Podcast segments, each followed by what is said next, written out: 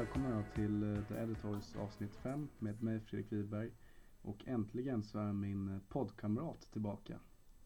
Tackar! Per Malmqvist Stolt heter jag och eh, jag har varit på semester i två veckor på Gotland och faktiskt inte pysslat så mycket med fotboll även som jag, man, man har svårt att låta bli. Man vill ju följa silly season lite grann i alla fall. Mm.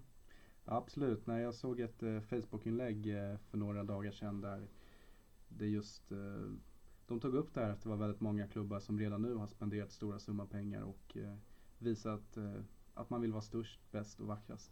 Ja, jag blev lite, jag var lite förvånad över det för jag trodde ganska länge att eh, eftersom det finns ganska många klubbar med mycket pengar så trodde jag att eh, det skulle skjutas mot slutet eh, ganska många stora affärer eftersom de riktigt rika klubbarna är de som väljer först och sen så blir det en dominoeffekt. Mm. Men det har ju redan nu faktiskt börjat rulla på rätt bra på, Mm. på värvningsfronten. Och jag, um, framförallt den här veckan egentligen och förra Mm. veckan tycker jag. Mm. Men jag kan tycka det, det är rätt ändå för att eh, nu startar Premier League till helgen. Och man hinner ju spela ganska många omgångar eh, innan deadline day som det som sagt heter. Där man har sista chansen att förstärka sin spelartrupp inför hösten. Och de här storklubbarna slåss ju på väldigt många fronter. Både ligan, kuppen och sen startar de europeiska kuppen också. Så att det gäller ju, får man en tung skada, ja då får man väl ta fram de här sista slantarna som det bekant heter och kanske köpa. Ja så är det ju. Jag tycker också att eh, eller det är flera managers som har sagt det att egentligen så borde fönstret stängas innan första matchen. Mm. Därför att det är ju ett problem att spela in spelarna när man Mm. väl har kommit igång. Och det måste vara väldigt svårt. Många av klubbarna har ganska kort intervall mellan starten och att man har hunnit spela några matcher innan, innan nyckelspelare är inne faktiskt. Mm. Så, att, eh, så tidigt som möjligt egentligen. Men det är svårt. Det finns mycket agenter och det är spelarnas marknad och eh, det är inte lätt. Nej, och sen med all merchandise, det ska säljas tröjor och det ska säljas biljetter. Och märker man då att eh, det finns några stora, stora lejon kvar där ute, då, då vill man nog gärna slå till på dem om man har chansen. Absolut, absolut. Och då har vi ju nu till exempel Paul Pogba som är klar för Manchester United. Och tror du att det blir en, den succévärvning som Mourinho verkar helt övertygad om att det ska bli?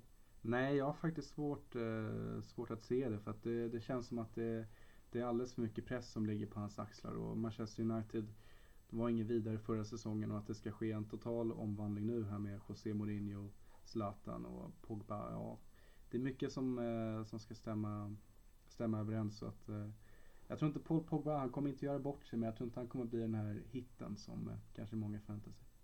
Nej, vi får ju se. Ja, det har, jag har sett lite från träningsmatcher mot, av United. Och, eh, fortfarande känns det lite som om de har samma problem som de hade i fjol. Att Mm. få riktigt fart på spelet och så vidare. Men det är ju som sagt var svårt att, att eh, se till träningsmatcher. Ja, det blir väldigt mycket mål. Jag tror Manchester United vann väl med 5-2 där mot Galatasaray. Ja, så att, eh, Eh, och eh, Zlatan gjorde visserligen ett eh, riktigt konstmål där ju i början och har ju visat att han, eh, han har de här kvaliteterna som en världsforward ska ha. Så att jag tror Zlatan, han, han vill ju verkligen bevisa att han även klarar av att spela på de brittiska öarna. Vill väl eh, gärna slå ner på alla tvivlare. Så jag, jag tror Zlatan tror jag kommer bli en, en riktigt bra värvning faktiskt. Eh, Jag var snabb med att plocka in han i mitt fantasylag så vi får Mm. se hur det går. Ja, det var nog rätt klokt. Han brukar ju inte misslyckas. Han kommer ju att göra sina mål. Eh, och jag tror han kommer att ligga där kring 15-20 mål säkert. Eh, men Men, ja, du var inne på att det här med Zlatan att han inte får sjunka för långt ner i banan. Att det, det, ska, det ska fördelas passningar och bollar till honom längst fram. Och ser du det att United har den kvaliteten på det centrala mittfältet att sticka in de här? Ja, det är det som jag tror är problemet. Att eh, Zlatan får inte komma för långt bak i banan. Och eh, det är där som jag tycker att det brister lite grann. Och det finns frågetecken kring Rooney och hans, hans eh, roll som eh, offensiv playmaker. Vilket han de facto blir. Så att det måste, de måste kunna leverera Mm. eh, runt eh, Zlatan. Jag vet att jag gjorde, det här är ju liksom en, kanske en oförtjänt jämförelse men jag kommer ihåg när Teddy Sheringham spelade i Manchester United. Det gick både bra och dåligt för honom. Men grejen med Teddy Sheringham det var att han var en ganska stor spelare som var spelbegåvad. Och eh, han menade på att när han spelade och när han gjorde den här succén, han ju avgjorde ju Champions League och jag tror till och med att han blev eh, vald till Englands bästa spelare sista säsongen eller något han spelade i United. Eh, och då menar han på att han hade så mycket bra spelare runt omkring sig som rörde sig så mycket och gav honom det stöd som han behövde för att kunna liksom vara den spelare han Mm. var då. Och då var ju Manchester United ett världslag och han Mm. hade ju konkurrens med spelare som Cole och, och, och, Dwight York och de här. Mm. Och det är någonstans där tror jag också Zlatan eh, bör hamna. För då kan han göra riktigt mycket mål. För han är ju Mm. dessutom en i grunden mycket bättre spelare än Teddy Sheringham. Men de är lika, li- lika i storlek och spelsätt. Sen får man inte glömma bort att Manchester United har andra alternativ också. Rooney är som sagt i grund och botten eh, en anfallare. Så att eh, spela ett klassiskt 4-4-2 med Zlatan Rooney. Nej. Det, nej, det kanske inte funkar men eh, Marcus Rashford finns ju där och sen eh, Anthony Martial. Eh, någon slags 4-3-3 då. Att eh, det kanske blir lite kantspel att man kan slå in det. Ja, faktiskt. Vi, vi får hoppas på det. Eh, och jag, jag tror som sagt var United, eh, ja du tror väl att de, de kan gå hela vägen? Ja, men jag tror ju faktiskt att United eh, kommer ta hem ligan. Det är väl Mm. fegt tippat men ja, José Mourinho är en vinnare, Zlatan är en vinnare och kommer de överens så kommer Manchester United överens. Så att, eh, det kommer stå mellan de två Manchesterklubbarna. Jag är väl lite inne på att Manchester City de kommer få det tufft att slåss på flera fronter. De har ju inte den historiken att de har gjort det. Och jag tror det kommer ta ett tag innan det, det sätter sig och löser sig för The Blue. Och sen så tror jag också att det kommer att, alltså Pep Guardiola har ju en, en speciell spelstil. Han vill att det ska vara på ett speciellt sätt. Han har värvat ganska mycket nytt. Eh, och eh, det kommer att ta ett tag tror jag innan Mm. det där sätter sig i Manchester City. Även om det finns mycket kvalitet där. Mm. Så det, jag tror inte på, på City heller. Nej. Däremot så tror jag en del på Tottenham. Det är lite en chansning, det måste jag erkänna. Mm. Men, men eh, de, eh, de, de ska vara färdigbyggda nu som lag. Pochettino har byggt det här och de har fantastiskt bra trupp. De ligger lite i skymundan just nu. Det vill säga det snackas inte så mycket Mm. om dem. Även fast de Ehm. kom tvåa i fjol. Så det borde ju Ja. snackas om dem. Men de har väl inte gjort de här spektakulära värvningarna Nej. som drar till sig intresse. Och det, det är väl ganska taktiskt också. Att de, de bygger på och jobbar på där i, eh, i skuggan. Absolut. Och Tottenham ska för en gångs skull också ta klivet ut i, i rampljuset. Man ska komma ihåg att hur klassisk än den här föreningen är, eller klubben, så har de bara två ligatitlar eh, i historien. Vilket är nästan unikt för en sån stor klubb Mm. egentligen. Eh, så att nu är det dags tycker jag för Spurs att verkligen leverera. Pojkar ska bli män. Ja, lite så. Lite så. Men om vi ser till eh, om vi ser till de här värvningarna som har kommit till Premier League och de som redan finns där. Eh, jag menar Harry Kane och England hade inget bra VM, eh, R- R- EM då. Eh, R- Rooney var ju, var ju inte speciellt bra och Zlatan lyckades ju inte alls med Sverige och Pogba, Pogba fick ju lite kritik i den franska tröjan också. Mm. Så att, ja, men ligaspel och landslagsspel är väl en annan grej så man ska väl inte ta, dra för stora växlar kring det. Nej, och där tror jag också det finns en fara med Tottenham. För det kan vara så. De hade ju så många nyckelspelare i det engelska landslaget. Och att eh, bristande självförtroende plus att de slutade rätt dåligt i, i Premier League i fjol. Det kan hänga med i år. Men det har ju sett väldigt bra ut under träningsmatcherna. Mm. Men det är klart att det finns en fara. Mm. Tror. Vad tror du om eh, Leicester då? Nu eh, idag så kommer nyheten att Claudio Ranieri förlänger. Tror det blev ett eh, femårskontrakt. Eh, åtminstone spekuleras det om att det ska, de ska signa honom eh, för många år och det, det gör de väl rätt i. Ja, det tror jag. Och han vill ju bygga långsiktiga, Jag har för mig han uttalar sig nog i stil med det. Och jag tycker ju faktiskt att han har N'Golo Kanté har ju lämnat, vilket är en nyckelspelare, men annars så peppar peppar har han ju behållit de flesta. Tycker det verkar som att de agerar rätt smart på, på transfermarknaden också. Mm. Men det är klart det ska ju mycket till och jag tror att Champions League kommer att vara ett litet ok för dem Mm. eh, när de ska också prestera i Premier League. Det, Mm. det ska man vara medveten om. Mm. Så att, eh, nej, jag- tror de får det tufft. Mm. Men man ska inte underskatta de här italienska tränarna för eh, Italien eh, var ju grymt bra i EM och nu eh, så får Chelsea in Antonio Conte. Och, det, är, det är också ett lag som jag tror kommer verkligen rycka upp sig denna säsong och kommer nog sluta topp 4 åtminstone.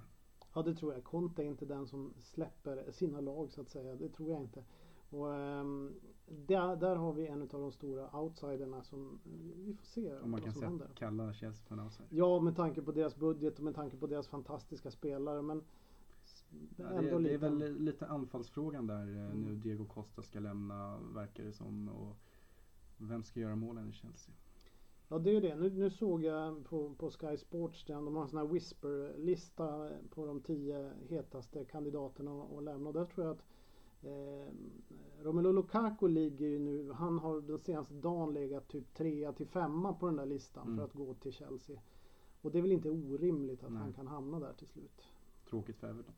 Ja, det är tråkigt. Det måste man ju säga. Men eh, på något sätt så, så tror jag ändå att eh, Ronald Koeman har räknat med att Lukaku kommer att lämna. Nu snackas det om att de håller på att diskutera ett nytt eh, storstilat kontrakt för honom så att de kanske gör ett sista försök. Men, Mm. men eh, man måste ändå ha med det i kalkylen tror jag. Mm. Och det tror jag Koeman har. Mm. Och just Everton då som är din klubb och, och sådär. eh, Det är Yannick Polasi. Eh, spekulerades om igår att han eh, kommer komma till ditt office. Vad tror du om en sån värvning? Är det rätt? Ja det tror jag. Framförallt så jag tycker han verkar lite dyr. De snackar om han någonstans med add-ons upp till 30 miljoner pund. Men det är kanske där det ligger. Och eh, på något sätt så eh, värva, de har ju värvat Steve Walsh från Leicester för att sköta värvningarna. Mm. Och även Komans historia att liksom få fram, hitta rätt spelare i Southampton och liknande. Det gör ju att man hyser ganska stort förtroende för de här två herrarna. Så att egentligen så så här i början så kan de signa vem som helst. Man tror att de har fyndat Mm. ändå. Mm. Eftersom man, man hyser så pass högt förtroende Mm. för dem. Och Bolasi tror jag är en sån som de verkligen vill ha. Men jag tror att Everton kommer att ha klart med kanske tre spelare inom loppet av några imorgon eller Ja, övermorgon men, eller något sånt det där. känns verkligen som det behövs. För jag, om man ser till de värvningar Everton har gjort idag så tycker inte jag det Everton förtjänar mer och förtjänar bättre. Jag, det Martin Stekenburg, eh, Mm. det är så här, ah, Nej, det, inte det är ingen rolig värvning. Nej. Och han, jag tror inte ens att han i mina ögon är han inte ens en förstemålvakt heller. Och det är en, en, en post där Everton måste göra någonting. De kommer inte att bli särskilt bra om man inte har en riktigt bra målvakt. Och Stekelenburg kan vara liksom en, en eh, backup men jag tror inte han är tillräckligt bra som första målvakt. Men sen är det så tror jag också att det finns mycket pengar och nu har man ju sålt Stones också och då har man ännu mer pengar.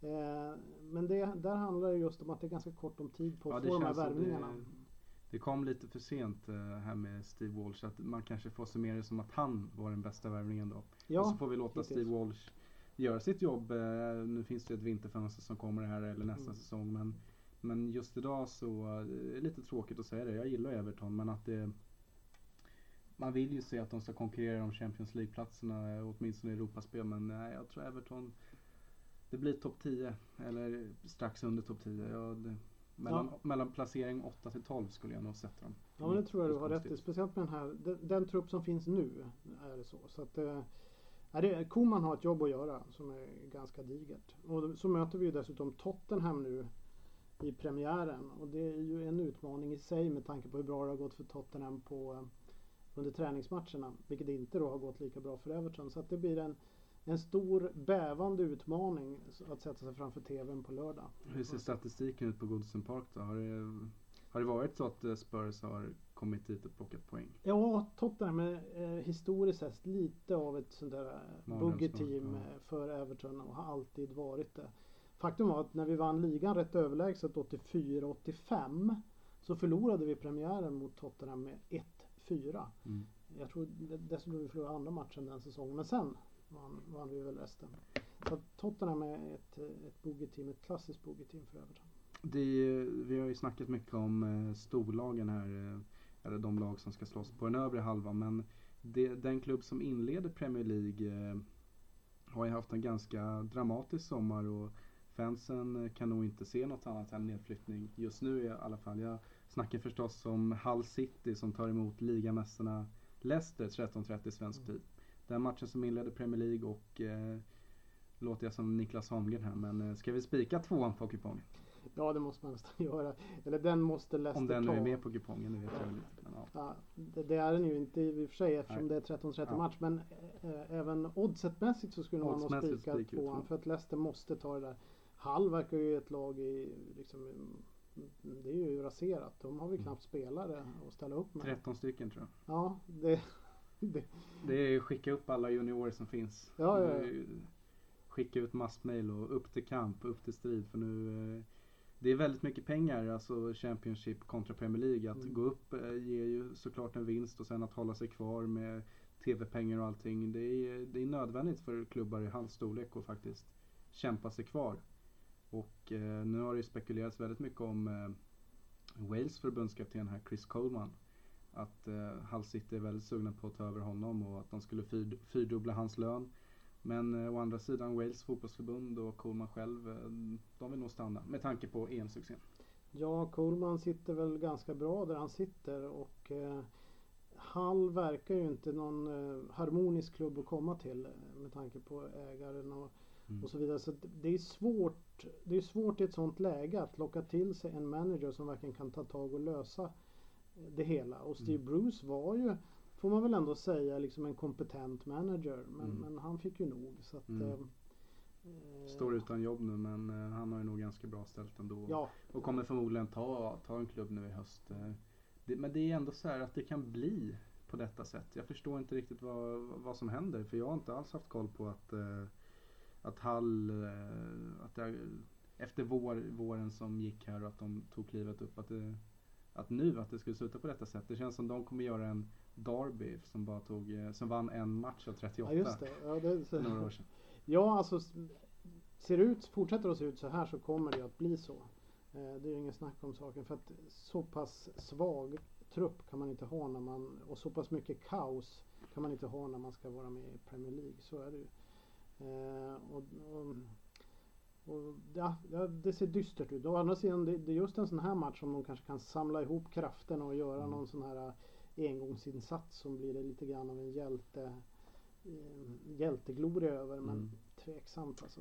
Om vi fortsätter på nykomlingarna då. Jag tror ju att eh, Middlesbrough kommer gå en ljus säsong till mötes. Så att det kommer att de kommer ta ganska många poäng där uppe på Riverside Stadium. Och jag tycker Eito Karanka är en spännande tränare och han har ju hämtat hem eh, ganska många spelare nu i detta fönster också. Bland annat spanjoren eh, Alvaro Negredo och eh, målvakten Victor Valdes. Så att det är mycket rutin som kommer in i denna klubb. Jag såg det där. Jag tror, jag tror han, hade, han hade han har värvat väldigt många rutinerade spelare och, Mm. och rätt bra spelare också. Jag Mm. menar Negredo kan ju komma tillbaka. Förra gången han kom då var det ju pukor och trumpeter och han skulle vara liksom bäst i Premier League i princip, göra mest mål. Eh, Men då funkade det inte för, för honom i Tottenham. Men nu, nu har han ingenting att förlora. Jag tror att det, det är en lysande värvning. Mm. Och Valdes har ju i princip varit misshandlad höll jag på att säga i Manchester United. Mm. Och han är ju fortfarande, vad är han, 34 år eller Mm. något sånt där. Så han har ju år kvar som toppmålvakt. Mm. Valdes tror jag är ett fantastiskt eh, förvärv egentligen. Sen tror jag ändå lite på Burnley, även om de kommer få svårt att klara kontraktet så, så är det ju en klubb som eh, ja, Det är inte roligt att komma till Turf Moor, Turf Moor som är en ganska sliten arena och de hade ett grymt bra anfallspar förra säsongen med Andre Gray och Sam Vokes som öste in mål. Mm. Och Sean Dice är en sympatisk och eh, bra manager så att jag tror att eh, många klubbar får nå sig upp med The Clarets. Gray just eh, tycker jag är jätteintressant för jag tittade på det där. Han, han, ha- han, han har ju aldrig slutat göra mål. Jag, jag, han spelade i Luton Town typ i conference och Mm. gjorde väldigt mycket mål. Sen tog han klivet upp till, till Championship Mm. ganska raskt. Och Mm. var Brentford va? Och sen, var det Mm. väl, eh, ja sen var det då Burnley. Burnley. Men han fortsatte göra mål. Mm. Och han, eh, jag tror han har något, eh, sen i fjol något målsnitt på över 50, 0,5 mål per match eller något sånt Mm. där. Så en fantastisk målskytt. Och han kan eh, nog ställa till det för många Premier League-försvar i år. Och dessutom med Vogue som är en liksom, tuff, stor target player som Mm. är jobbig att möta. Eh, du, du, må- det gäller att du jobbar och sliter Mm. mot de där eh, herrarna. Han hade ju inte det lätt förra året, eh, eller för två säsonger sedan när de var uppe i Premier League. Då Mm. gick det inget vidare för Sven Vokes. Men jag tror Mm. ändå att nu med Wales och sådär, han fick hoppa Mm. in och gjorde några mål. Så att jag tror han har växt mycket under den här tiden. Och två anfallare som har bra självförtroende. Då är, det, kan, det, det kan nog sluta väldigt bra. Och jag tror att det brukar alltid vara så här att de samlade experterna eller tyckarna tippar eh, nykomlingarna att de ska ramla ur. Och det, det, det är väl eh, fullt naturligt att man gör det men samtidigt är det många nykomlingar som visar motsatsen och håller sig kvar. Så att jag har alltid trott att Sunderland ska vara ett lag som åker ur men nu när de har skaffat David Moyes och, och sådär så, så tror jag att eh, det blir The Black Cats, vad säger man, katter har sju eller nio liv och det har väl Sunderland också. Ja det kommer jag. Jag tror att tydligen så var ju Moyes eh, Sunderlands första val också och jag är rätt övertygad om att han kommer att klara dem kvar. För är det någonting Moyes är bra på då är det här att sätta ribban. Vi ska ta 40 poäng. Och när vi har tagit 40 poäng då får vi se vad som händer. Och han kommer att skapa ett, ett robust och stabilt Sunderland som kommer att vara jättejobbig att möta och eh, de kommer inte att släppa in mål i onödan. Men han har också lite kort om tid på sig. Det ser lite dystert ut på värvningsfronten. Han måste Mm. liksom pinna på där om man ska Mm. Få de spelare han vill ha. Och då vet jag från tiden i Everton att Moyes var inte särskilt snabb på värvningsfronten. Nej. Han tänkte oftast eh, 10-15 gånger extra och Mm. kollade spelarna extra också. Och det kan vara en nackdel här. Han behöver få in några stabila gubbar som kan hjälpa honom i, i Sunderland. Om vi eh, ska spå lite säsongen då. eh, Det, det är väl alltid kul att, att analysera lite innan även om man kanske kan få skit efter. Men eh, det, det är väl ändå kul att, att bjuda lyssnarna på det. Så om jag frågar dig då, vem du tror blir säsongens överraskning som lag? Som lag, oj, det är ju jättesvårt. Men jag tror faktiskt eh, Middlesbrough. Jag Mm. tror det. Mm. Sen har jag, vi har inte pratat om dem ännu så mycket, men jag, jag tror en del på Stoke också. Jag tycker de har en, som en bra stomme i det laget. Mm. Eh, som, med eh, tre väldigt offensiva i Shakiri, Bojan och eh, Arnautovic. Så när det stämmer för dem, nu brukar det ju aldrig stämma samtidigt för dem. Eh, men när det stämmer för dem är de riktigt bra.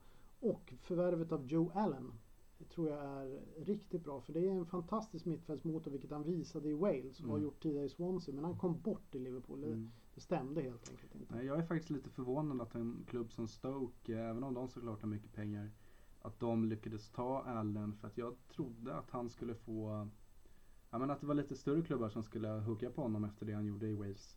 Så att eh, där har Stoke verkligen gjort ett fynd som du är inne på och eh, de ska man ju aldrig räkna bort men eh, jag tror det kommer gå ungefär som förra säsongen. De kommer vinna mot storlagen och ta lite poäng då och då men eh, Och hamna nia. För det är där Ja, brukar nia. hamna. För det, är- det är typiskt Stoke. Så att jag menar, det, de gör det de är bra på helt enkelt. Och Mark Hughes har ju aldrig riktigt lyckats med att lyfta sina lag på den där nivån som är över vad, vad de egentligen är. Mm. Alltså över, överprestera som, som på något sätt ändå ska vara ett signum om, Mm. om man är en stor manager. Men jag tror ändå lite på dem. Så Middlesbrough och Stoke skulle jag Mm. vilja hålla fram.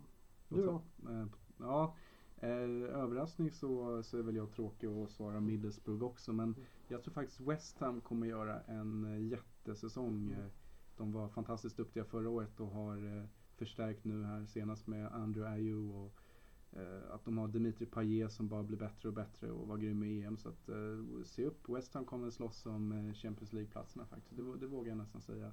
Sen om vi går vidare med säsongens besvikelse så, så tror jag att Swansea kommer sjunka ganska rejält. Dels att de har tappat Gomis. Så även om han inte gjorde jättemånga mål så var han viktig där uppe på topp. Och André Ayew var ju fantastiskt bra med sin eh, kreativitet. Och en av få stjärnspelare i Swansea. Och det är klart att Gudelin eh, är en jättebra tränare men ser man till truppen så tror jag att Swansea, ja, de, de kommer nog få kriga om eh, nytt kontrakt grejer de säkert men de kommer vara där nere på plats 15, 16, 17. Det, det tror jag faktiskt. Och även om de har värvat Fernando Llorente nu så är han en liten chansning. Ja, gör inte en chansning. Men det kan vara det är lite samma sak som Negredo. Ingen av dem har någonting att förlora. Och det, de här äldre spelarna, det kan, det kan vara flipp eller det kan vara flopp. Och vi, får- vi får väl för Swans, Swanseas skull hoppas på en, på en flipp i det här läget. Att Jorente får en ny vår egentligen.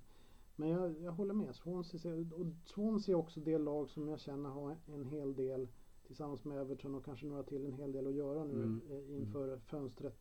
De ligger lite Stängning. efter. Ja, de ligger efter. Det, det är bra att konstatera. Och ser man till truppen eh, så tycker inte jag, jag var inne på det, men det, det saknas en riktig, en riktig stjärnspelare i det laget. Och det är väl Ashley Williams då som får försöka hålla ihop backlinjen där nere och, och sådär. eh. Men det, det har väl varit, Swansea har ju gjort några bra säsonger i Premier League nu. Och, men jag tror att de, de går åt fel håll. Det går åt fel riktning i, Wales. Mm. Ja, det tror jag också. Jag ska väl också vara lite tråkig. Jag tror Watford tror jag kommer att få det tufft eh, i år faktiskt. Eh, om Hall eh, tror jag också. Men, men Även Watford fast de har fått behålla både Igalo och Dini och har en ny tränare i Massari här så Ja. du tror inte det var jag, jag tror inte det. Massari var en duktig tränare, Mm. absolut.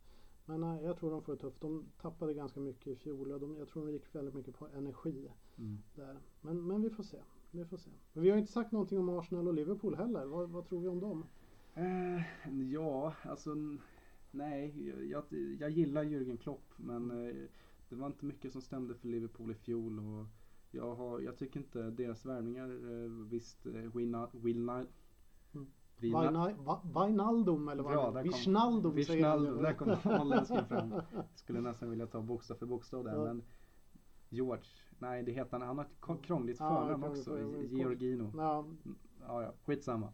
Liverpools nummer fem mm, är en eh, klockrent nyförvärv. Han kommer eh, ta Allens plats. Nu var, var ju inte Allen i startelvan där men han kommer verkligen leda det centrala mittfältet i Liverpool och det, det tror jag de behöver. De har ett väldigt bra mittfält med Firmino, Coutinho och eh, Jordan Henderson. Sen är det väl eh, tveksamt eh, återigen vem som ska göra målen där på topp. Benteke vill de ju göra sig av med och Divock Origi måste väl komma upp ett par nivåer här och jag tycker målvaktsposten den är lite så här svajig också. Jag menar Mignolet har- gör ju fler grodor än bra räddningar och han den här nya Karius, eh, jag tror han kan bli säsongens floppförvärv mm. faktiskt. Så att eh, nej, jag, jag ser ingen, ingen ljus säsong för Liverpool. Nej, och både Liverpool och Arsenal tycker jag är två lag som återigen lite grann som Tottenham som det inte är lite i skuggan just nu. De stora värvningarna och saker händer Mm. på andra ställen. Mm. Men det kan ju vara en fördel eh, å andra sidan. Arsenal vet jag inte. Jag tycker att det är lite grann samma som alltid med Wenger och hans lag, eller Wenger och hans lag. Mm. Att eh, de hade kunnat kliva fram i fjol Mm. och klarade inte det. Jag kan inte se att det kommer vara någon större skillnad i år, men de kommer att vara med i toppen. Mm. Sen avslutningsvis då, vad säger vi nu? Crystal Palace, West Bromwich och Bournemouth har vi också. Ja, nej jag tror faktiskt eh, Crystal Palace, bra att du tog upp dem. Jag, tror de, jag har tippat att de åker ur. Mm. Eh, för att jag, jag ser ingenting eh, i deras trupp eh, nu när de tappar Bolasi att de ska kunna klara den här tuffa säsongen i Premier League. Och de var ju väldigt svaga framförallt under våren och vann ju knappt en match. Och Alan Pardew, eh, han får svårt att få det där laget att fungera. Bournemouth med Eddie Howe tror jag kommer göra en lika bra säsong som i fjol. De kommer hamna tryggt i mitten någonstans. Och West Bromwich, de är väl lite som Stoke. De, West Brommas är kvar. Ja. Som Stoke Stokers är kvar. Så Tony Pulis. Tony eh, han, Pulisar. vet, han, han vet vad han gör. eh. Han vet vad han gör och de, jag tror att de kommer att klara sig kvar och så vidare. Så att det, och Bournemouth, Eddie Howe står ju inför den stora utmaningen att göra en bra säsong två Mm. för nykomling. Det tuffa andra året som Det man brukar tuffa. säga. Och det blir jätteintressant. Eh, Klarar han det här lika bra som i fjol då, då tycker jag han ska nästan, jag höll på att säga geniförklaras men det är Adlas. riktigt, ja nästan. Bygga en staty utanför deras arenor. Ja faktiskt. Ja, det ska bli spännande. Jag är tokladdad inför helgen i alla fall. Mm, jag också.